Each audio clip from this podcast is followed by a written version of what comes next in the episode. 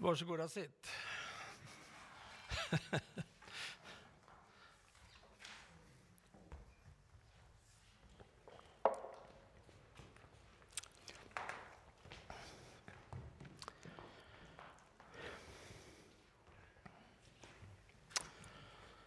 Ja, Guds frid och allesammans och god söndag förmiddag.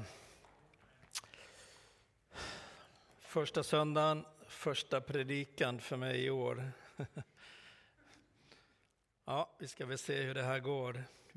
Vi börjar ett nytt år då med nya möjligheter. Så kanske några optimister tänker. Andra kanske inte är lika optimistiska och tänker att det i bästa fall kanske kan ske något positivt i mitt eget liv, för en själv i alla fall. Och så finns det de som eh, tänker att ah, det kommer inte hända något bra alls. Varken i mitt liv eller i världen eller i, i samhället för övrigt. Vi ser olika ut hur vi ser på det inkommande året. Jag för min egen del har ju inga nyårslöften att hålla, tack och lov. Och min framtidsvision är för oftast positiv. Jag vill alltid tro att Gud kan bara komma med någonting bättre. Oftast blir det ändå plus minus noll. Ja. Men i och med, genom att mitt liv ofta har bergsbestigning i sitt program så kan livet kännas lite motigt ibland. Men det gör att livet ofta blir händelserikt på olika sätt. Man har ju lärt sig en del av livet. Man har fått någon slags livserfarenhet. Och när man vandrar tillsammans med Jesus så vet man ju aldrig vad som kan inträffa. Det som är bra eller dåligt, eller positivt eller negativt. Så jag vill med en berättelse ge ett tema för min predikan. Och sen kommer jag läsa bibelstället och be för den här förkunnelsen. Men en berättelse som inledning. I Amerika så har man ju dödsstraffet kvar och har haft det länge. Förr i tiden så kunde man hamna i elektriska stolen. Men eh, nu för tiden använder man sprutor till sin hjälp för det mesta. Det som man kanske inte vet om är att man kunde förhindra en avrättning i sista stund. Det gick till på följande sätt. Fångvaktaren tog fången till rummet där avrättningen ska ske. Om det nu då var i elektriska stolen så band man fast fången. Inväntade då klockslaget, exempelvis klockan 12, så då man skulle avrätta fången. I rummet så finns det en telefon. Och eh, man väntade in ett eventuellt samtal innan man avrättade fången. Det var guvernören för delstaten som hade möjlighet att stoppa avrättningen. Det kunde vara så att det kom in, hade kommit in några nya uppgifter som gjorde att man blev tvungen att kontrollera dem innan man avrättade den här fången. Och just i det här fallet så väntade man i 15 minuter. Men det kom inget samtal så man avrättade den här fången. Men när fången var död så ringde det i telefon. Det var guvernören som bad om att stoppa avrättningen därför att det hade kommit in nya bevis som bevisade hans oskuld. Men han ringde för sent. Och detta leder oss till den första bibeltexten i Johannes 11 och 21. Där det står så här. Marta sade till Jesus, Herre, om du hade varit här hade min bror inte dött. Herre, om du hade varit här hade inte min bror dött. Låt oss be för den här predikan.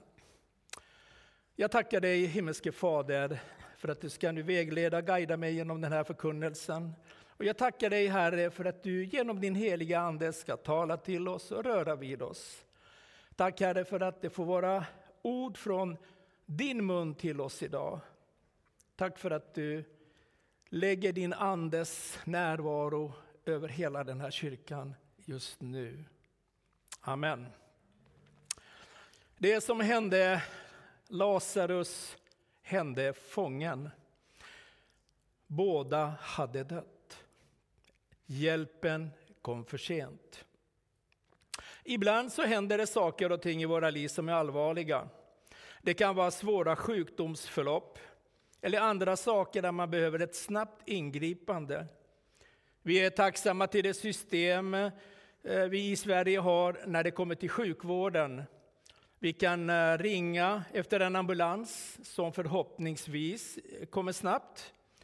Och när vi kommer in på sjukhus så väntar ett team där för att så snabbt det går ta hand om patienten för att rädda denne. Vi sätter vår tilltro eh, till att det fungerar om det gäller oss. Eller om det gäller någon i vår närhet så sätter vi vår tilltro till att det fungerar. Under de två sista åren som min mamma levde hände det flera gånger att jag fick ett samtal från hemtjänstpersonalen som hade kommit hem till min mamma då hon hade tryckt på larmet. Då fick jag veta att hon skulle skjutsas med ambulans till ett sjukhus. Jag säger bara tack och lov för alla säkerhetssystem som finns. De hjälper oss. Men eh, ibland, trots alla system vi har inom sjukvården för att rädda liv, så kommer det ofta ändå till en situation där det inte är möjligt att rädda patienten. Men för oss som är kristna finns det alltid en utväg till. Och det är det att vi vänder oss till vår Gud och med hjälp av bönen och samtalet med Herren ber vi honom förändra och förvandla omständigheter som ser omöjliga ut till att bli möjliga. Ibland kan det se ut som om Jesus kommer för sent, men ändå inte gör det. För han gör under än idag. Och min bön är att vi ska se så mycket mer av detta. För många år sedan hörde jag en följande berättelse. Det var en sjukhuspastor i en av våra större sjukhus. Hon var i andaktsrummet, förberedde nattvarden. Det kom dit cirka fem personer. En av dem var en man som satt i rullstol. Hon delade evangeliet med dem och delade ut nattvarden. Det gick ett år. Hon sitter på sitt kontor och hon klagar. Gud, här har jag tjänat dig i många år, men jag ser dig inte göra någonting. Ingenting händer, det är som om du har glömt mig. Hon var beredd att ge upp, hon var beredd att säga upp sig. Då knackade det på dörren till hennes kontor. Det var en man som kom dit med en bukett blommor och sa till henne, jag vill tacka dig för det du gjorde för mig.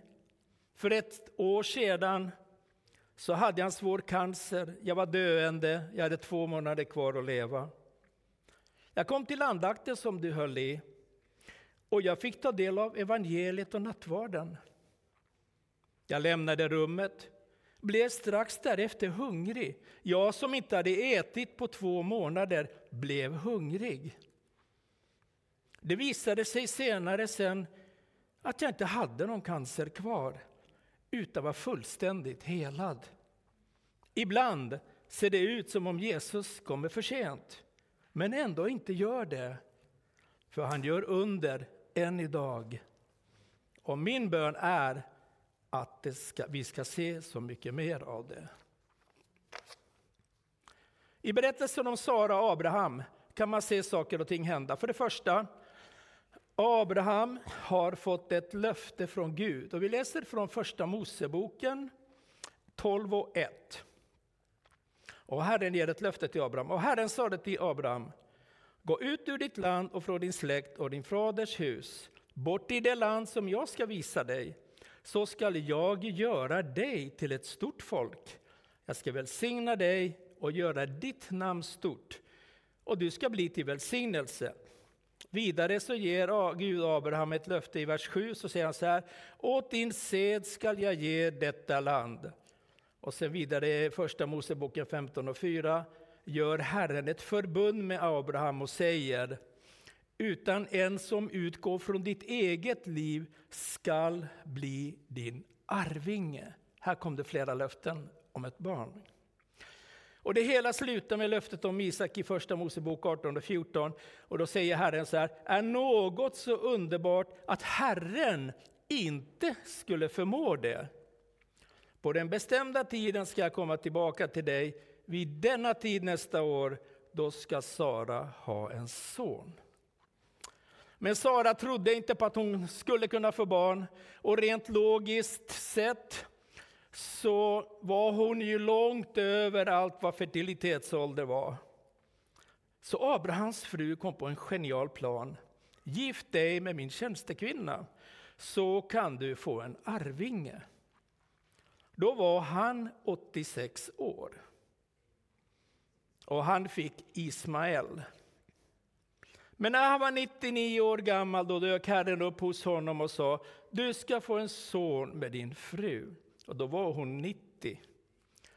Och då var han 99 och hon var 90.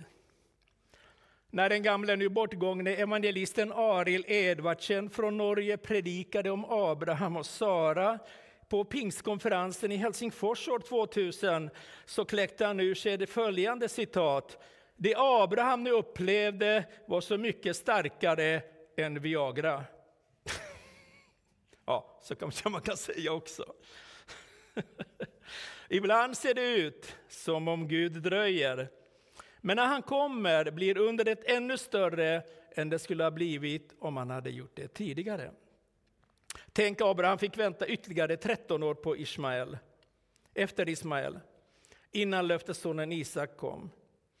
Ibland måste det se ut som om det inte rent mänskligt sett finns några som helst möjligheter för mig att göra eller agera själv.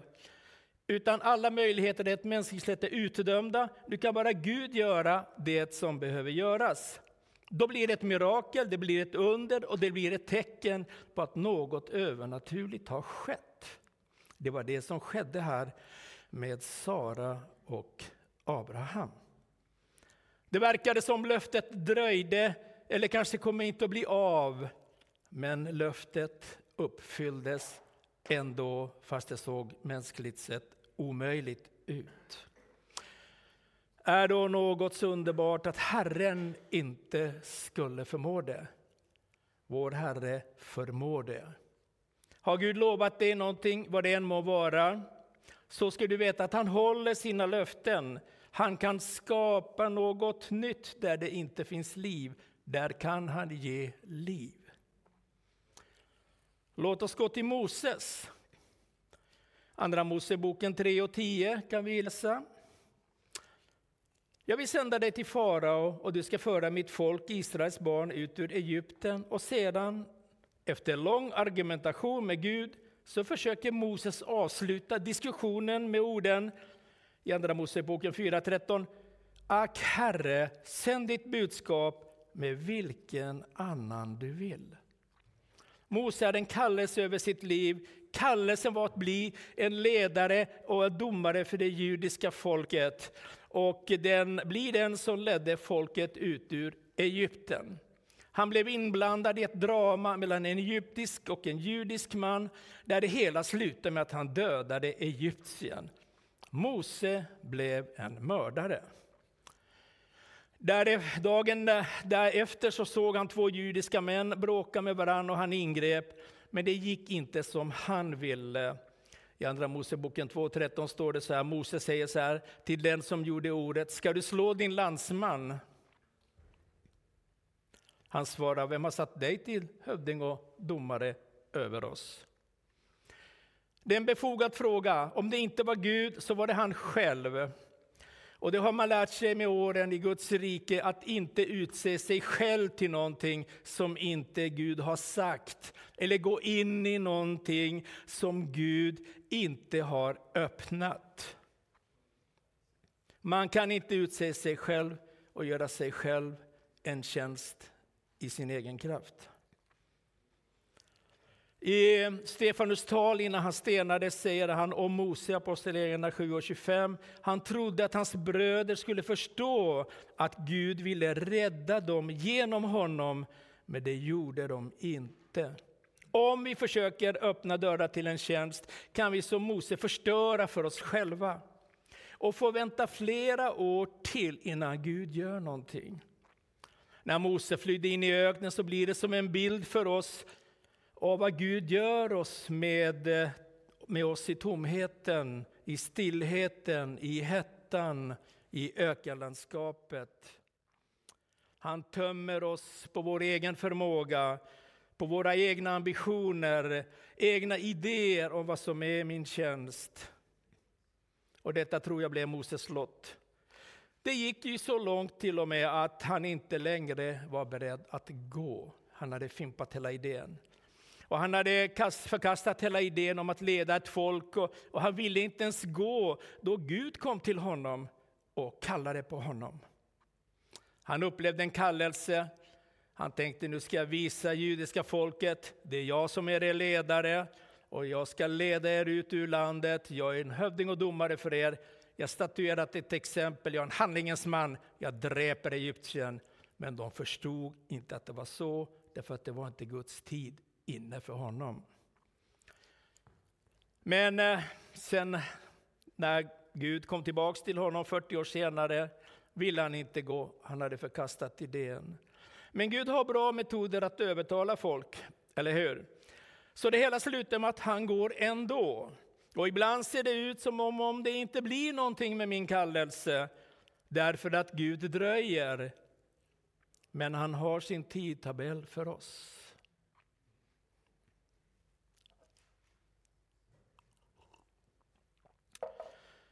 Lite vittnesbörd. När min far var nyfrälst i början av 60-talet, då var jag bara några år gammal, så fick han ett tilltal av Gud. Han upplevde att Gud sa till honom att resa runt i Finland och hålla möten. Och hålla möten där Gud skulle möta människor. Men det han inte visste var att det går en tid mellan kallelse och gå.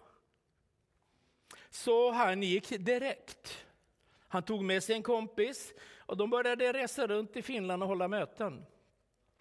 Men det var ju inte hans tid än.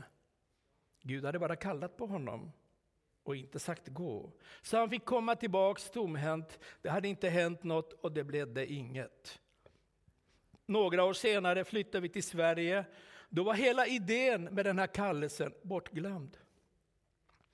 Han tog till flaskan, han söp bort sitt liv och dog endast 54 år gammal 1988.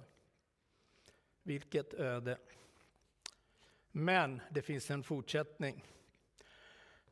Året är 1992. Jag har hamnat i en djup depression. Jag har förlorat allt jag hade. Mitt nybyggda hus, mitt äktenskap, min son och hälsan var väck.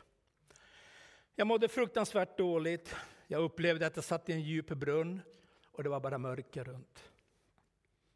Men ändå, mitt i allt detta, ville jag gå på ett möte som var här i vår kyrka.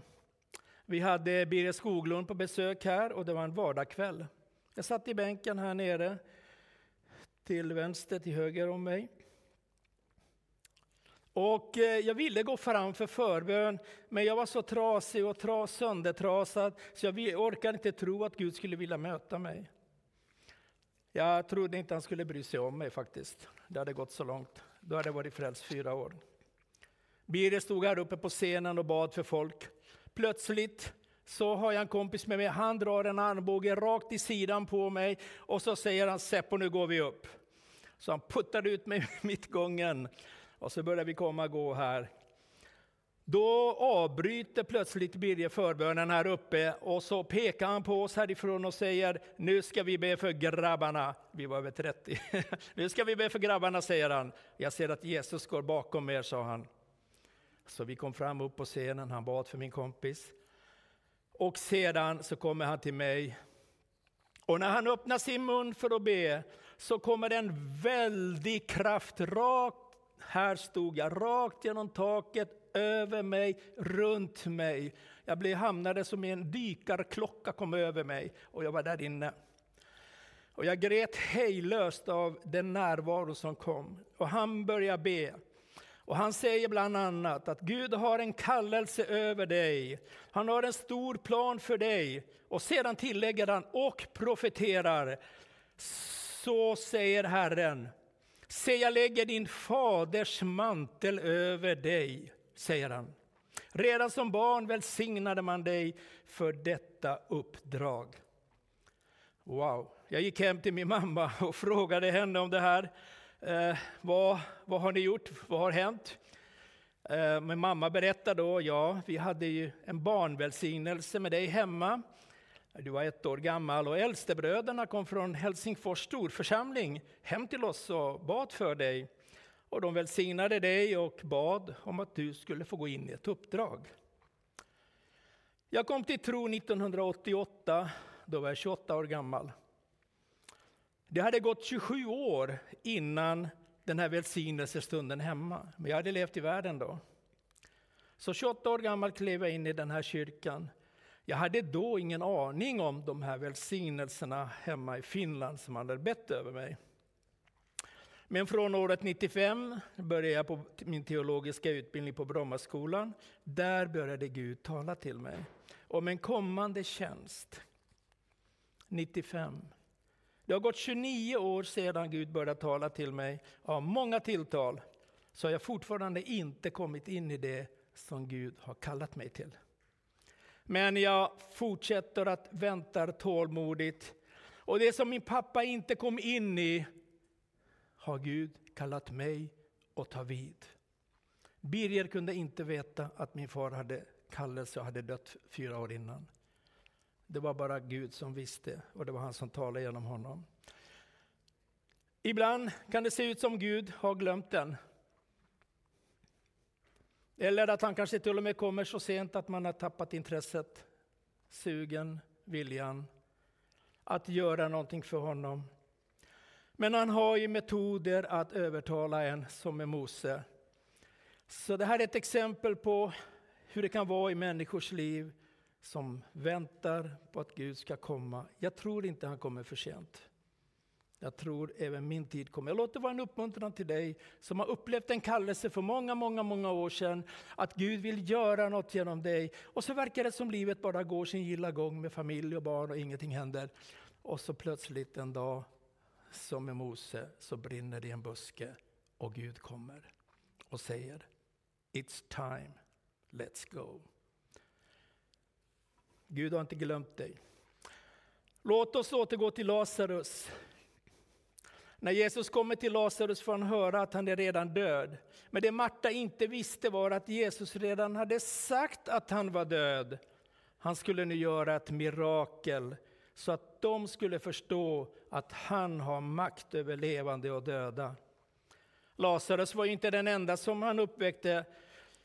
Och ibland så kan eh, situationer i våra liv och våra omständigheter se fullständigt döda ut.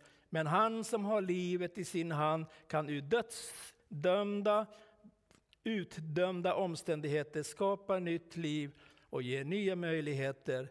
För med Jesus är det aldrig kört. Men ibland måste vi hamna i sådana situationer, svåra knepiga situationer för att lära oss en läxa. Läxan är att det är han som har kontroll. Det är inte du som har kontroll. Och ju snabbare du greppar och fattar det här, desto bättre för dig. Men vi är ju ganska tröga till att fatta vissa saker. Och de som går omkring och tror att de har kontroll över sin livssituation bara för att allt ser bra ut just nu, så kan du glömma den tanken direkt. Du har noll koll vill jag hävda. Men han har koll och det är han som har låtit det gå dig väl. Men det kan gå som med jobb, det kan vändas snabbt. Men vi har ändå honom vi kan vända oss till. För han har allt i sin hand. Han kan komma som det ser ut, som om det är för sent, men det är det ändå inte. Jag ska avrunda med Petrus. Han är ju verkligen en man med självförtroende. Han tror stort om sig själv och med rätta därför att han har en stor kallelse över sitt liv. Kommer ni ihåg Jesu ord till Petrus i Matteus 16 och 18? Och jag säger dig att du är Petrus klippan och på den klippan ska jag bygga min kyrka och dödsrikets portar ska aldrig få makt över den. Petrus var den utvalda ledaren för den första församlingen. Han, var, han, han, hade fått uppdraget av Jesus själv. Han var handplockad, han var personligt tränad av Jesus. Han fick se massor av under och tecken gjorda av Jesus. Han fick själv vara med och vara delaktig i under och tecken. När de delade ut brödet och fiskarna så skedde det genom hans egna händer. Petrus kanske däremot inte hade riktigt koll på sig själv, utan trodde kanske lite för mycket om sig själv. Och det kommer fram om vi läser om honom i Matteus 26 och 29. För han skryter ordentligt. Men så kommer den här tjänsteflickan. Petrus satt ute på gården. Får du upp den? Ja. Petrus satt ute på gården. En tjänsteflicka kom fram till honom och sa, du var också tillsammans med, Pet med Jesus från Galileen. Men han förnekade det inför alla och sa, jag förstår inte vad du talar om. Han gick ut i porten och där var det en annan kvinna som såg honom. Och hon sa till dem runt omkring, han var där tillsammans med Jesus från Nasaret. Han förnekade det på nytt och svor på det. Jag känner inte den mannen. Nu började han svära också. Strax därefter kom de som stod där fram till Petrus och sa, visst är också du en av dem? Det hörs på talet. Vi, det hörs på vårt tal att vi är pingstvänner. Jag noterar det här. Det kommer inte undan. Det hörs på talet. Då svor han igen och bedyrade, jag känner inte den mannen. Och då gol tuppen. Och det jag vill säga om Petrus och jämföras med oss, det är att vi ska inte skryta om vår egen förmåga till att göra saker och ting.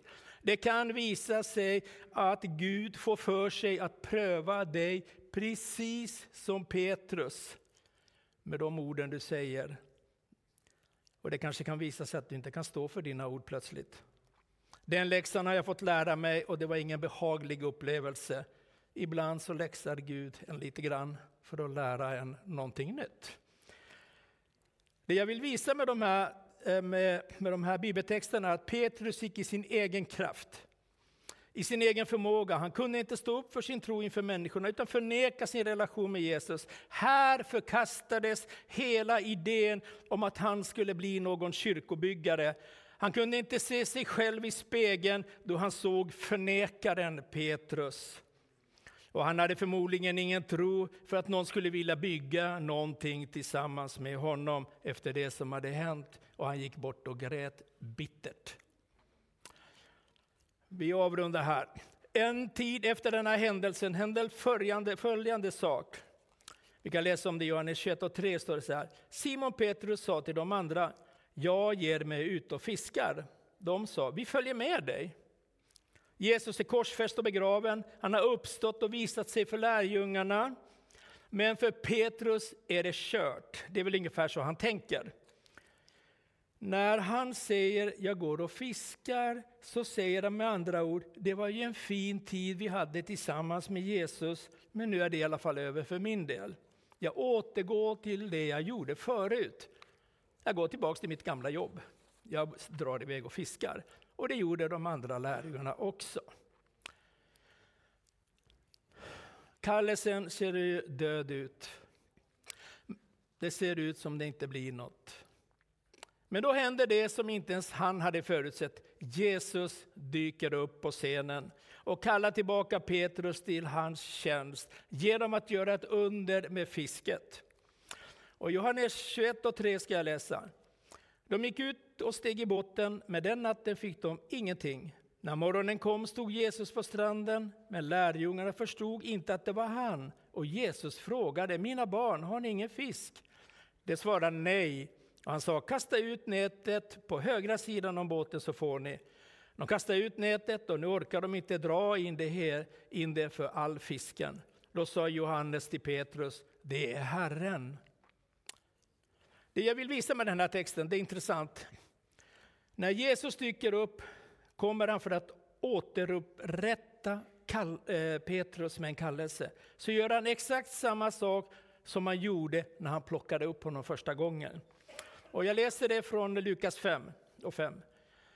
Och då hände det så här. Simon svarade, Mästare, vi har hållit på hela natten utan att få något. Men eftersom du säger det ska jag lägga ut näten.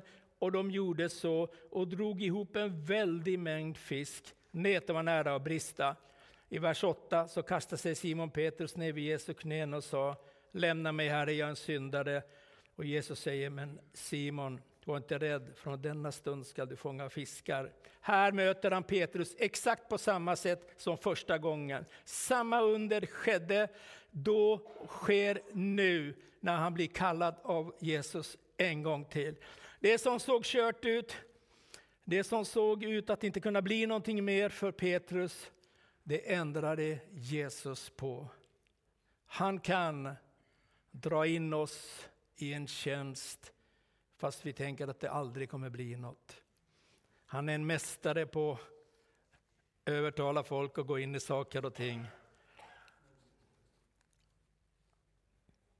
Ibland hamnar vi i omständigheter som ser hopplösa ut. Oavsett om vi drabbas av sjukdom eller en kallelse till tjänst ser det ut att gå förlorad. Det ser ut som om det inte blir varken helande eller att det kommer i en tjänst. Det kanske ser ut som om Gud kommer för sent eller inte alls, men han kommer och han kommer att förverkliga det du har drömt om. Du ska få göra något för Gud. Som det står ofta i Bibeln så står det så här, när tiden var inne, står det. Eller det var inte hans tid ännu. Så har Gud förut bestämt saker och ting för dig och ditt liv. Vi ska inte tappa hoppet om att Jesus att inte Jesus ska göra det han har lovat att göra. Om vi blir sjuka så ska vi fortsätta tro på att han vill göra något med oss, hela oss, upprätta oss. Det spelar ingen roll hur det ser ut, han är alltid möjligheternas Gud. Och det är honom vi tror på. Det är honom vi tjänar, det är honom vi betjänar. Och det är honom vi vänder oss till när det blir svårt. Men låt oss alltid vända oss till honom. Vänta inte tills det blir tufft och svårt. Var inte arg på din Gud. Var inte besviken på din Gud. Tro på din Gud. Och låt honom få höra hur mycket du bryr dig om honom, hur mycket du vill tjäna honom, hur mycket du vill göra något för honom. Och det har liksom brunnit en sak i mitt hjärta. Jag ska be här. Det finns några här som önskar att få komma ut och få göra någonting konkret för honom. Och till och med har talat till dig om och sagt att det här är din tjänst som jag ska leda dig in i. Du ska få se människor komma till genom din tjänst. Men du tycker att det är ingrötat i allt annat än att kunna komma ut till något. Men det ska du veta, han håller sitt löfte till dig och han öppnar en dörr för dig. När tiden är inne så kommer du att komma ut. Tro på din Gud. Jag har alltid sagt att Gud vill ha stor väckelse i Väsby. Jag har stuckit ut hakan och sagt att Gud vill frälsa 10 procent av Väsbys folk. Eh, det blir värre och värre för mig för varje år, för det flyttar mer och mer folk hit. Jag inser ju att det här kommer inte att gå. När jag sa det första gången var vi 30 000 kanske, nu är vi över 50 000. Uh, ja. Men jag vill tro, det är en liten siffra, men jag vill ändå tro att Gud ska göra något stort. Och att han ska välsigna den här platsen, här de här stora jättarna till pastorer, Levi Petrus och Lidman bodde. Eh, att de har bett till Gud och sagt, du måste frälsa den här bygden, du måste rädda den här bygden. Och jag tror Gud har gett dem ett löfte. Och att vi ska få se det i vår tid, när skörden kommer att komma. Så Gud har en plan och en tanke för dig. Det är inte att du ska drabbas av sjukdom och elände och lidande, förtryck, förföljelse i första hand utan du ska få se, han ska välsigna dig, ta hand om dig och din familj. Det finns ett löfte, kom till tro på Herren så ska han frälsa hela ditt hus och hela din familj. Vi ska tro på det, vi ska våga tro på det. Han kommer inte komma för sent, fast det skulle kunna se ut så. Tack Herre för att vi får bara komma inför dig. Tack Herre för att det är du som har kallat oss till att vandra tillsammans med dig. Tack Herre för att du gav oss en förmåga att kunna tro på evangeliet.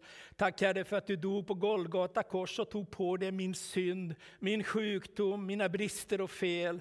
Tack för att du har sonat mig med Fadern och försonat mig. Tack för att jag får kallas Guds barn. Tack Herre för att jag har rätt att kommunicera med dig och tala med dig. Tack för att jag har rätten att sätta mitt hopp till dig och tro på dig. Tack Herre för att jag få se dig göra saker och ting i mitt liv, i mina livsomständigheter. Tack för att du förvandlar dem, förändrar dem och gör någonting nytt. Se, jag gör någonting nytt, upplever att Herren säger till någon. Se, jag gör någonting nytt. Och du har känt det i din ande, att den dörr som håller på att öppnas och det kommer in ljus in i det rum där du befinner dig. Det är grådisigt. Du har haft besök av mörkrets krafter i ditt rum. Du var rädd, du gömde dig under sängen sängen till och med. Du flydde undan, du skakade av rädsla. Men se, säger Herren, du kommer att övervinna alla mörkrets krafter när du vandrar med mig. Sök mig, sök mig, säger Herren. Jag ska fylla dig med min kraft, jag ska hela dig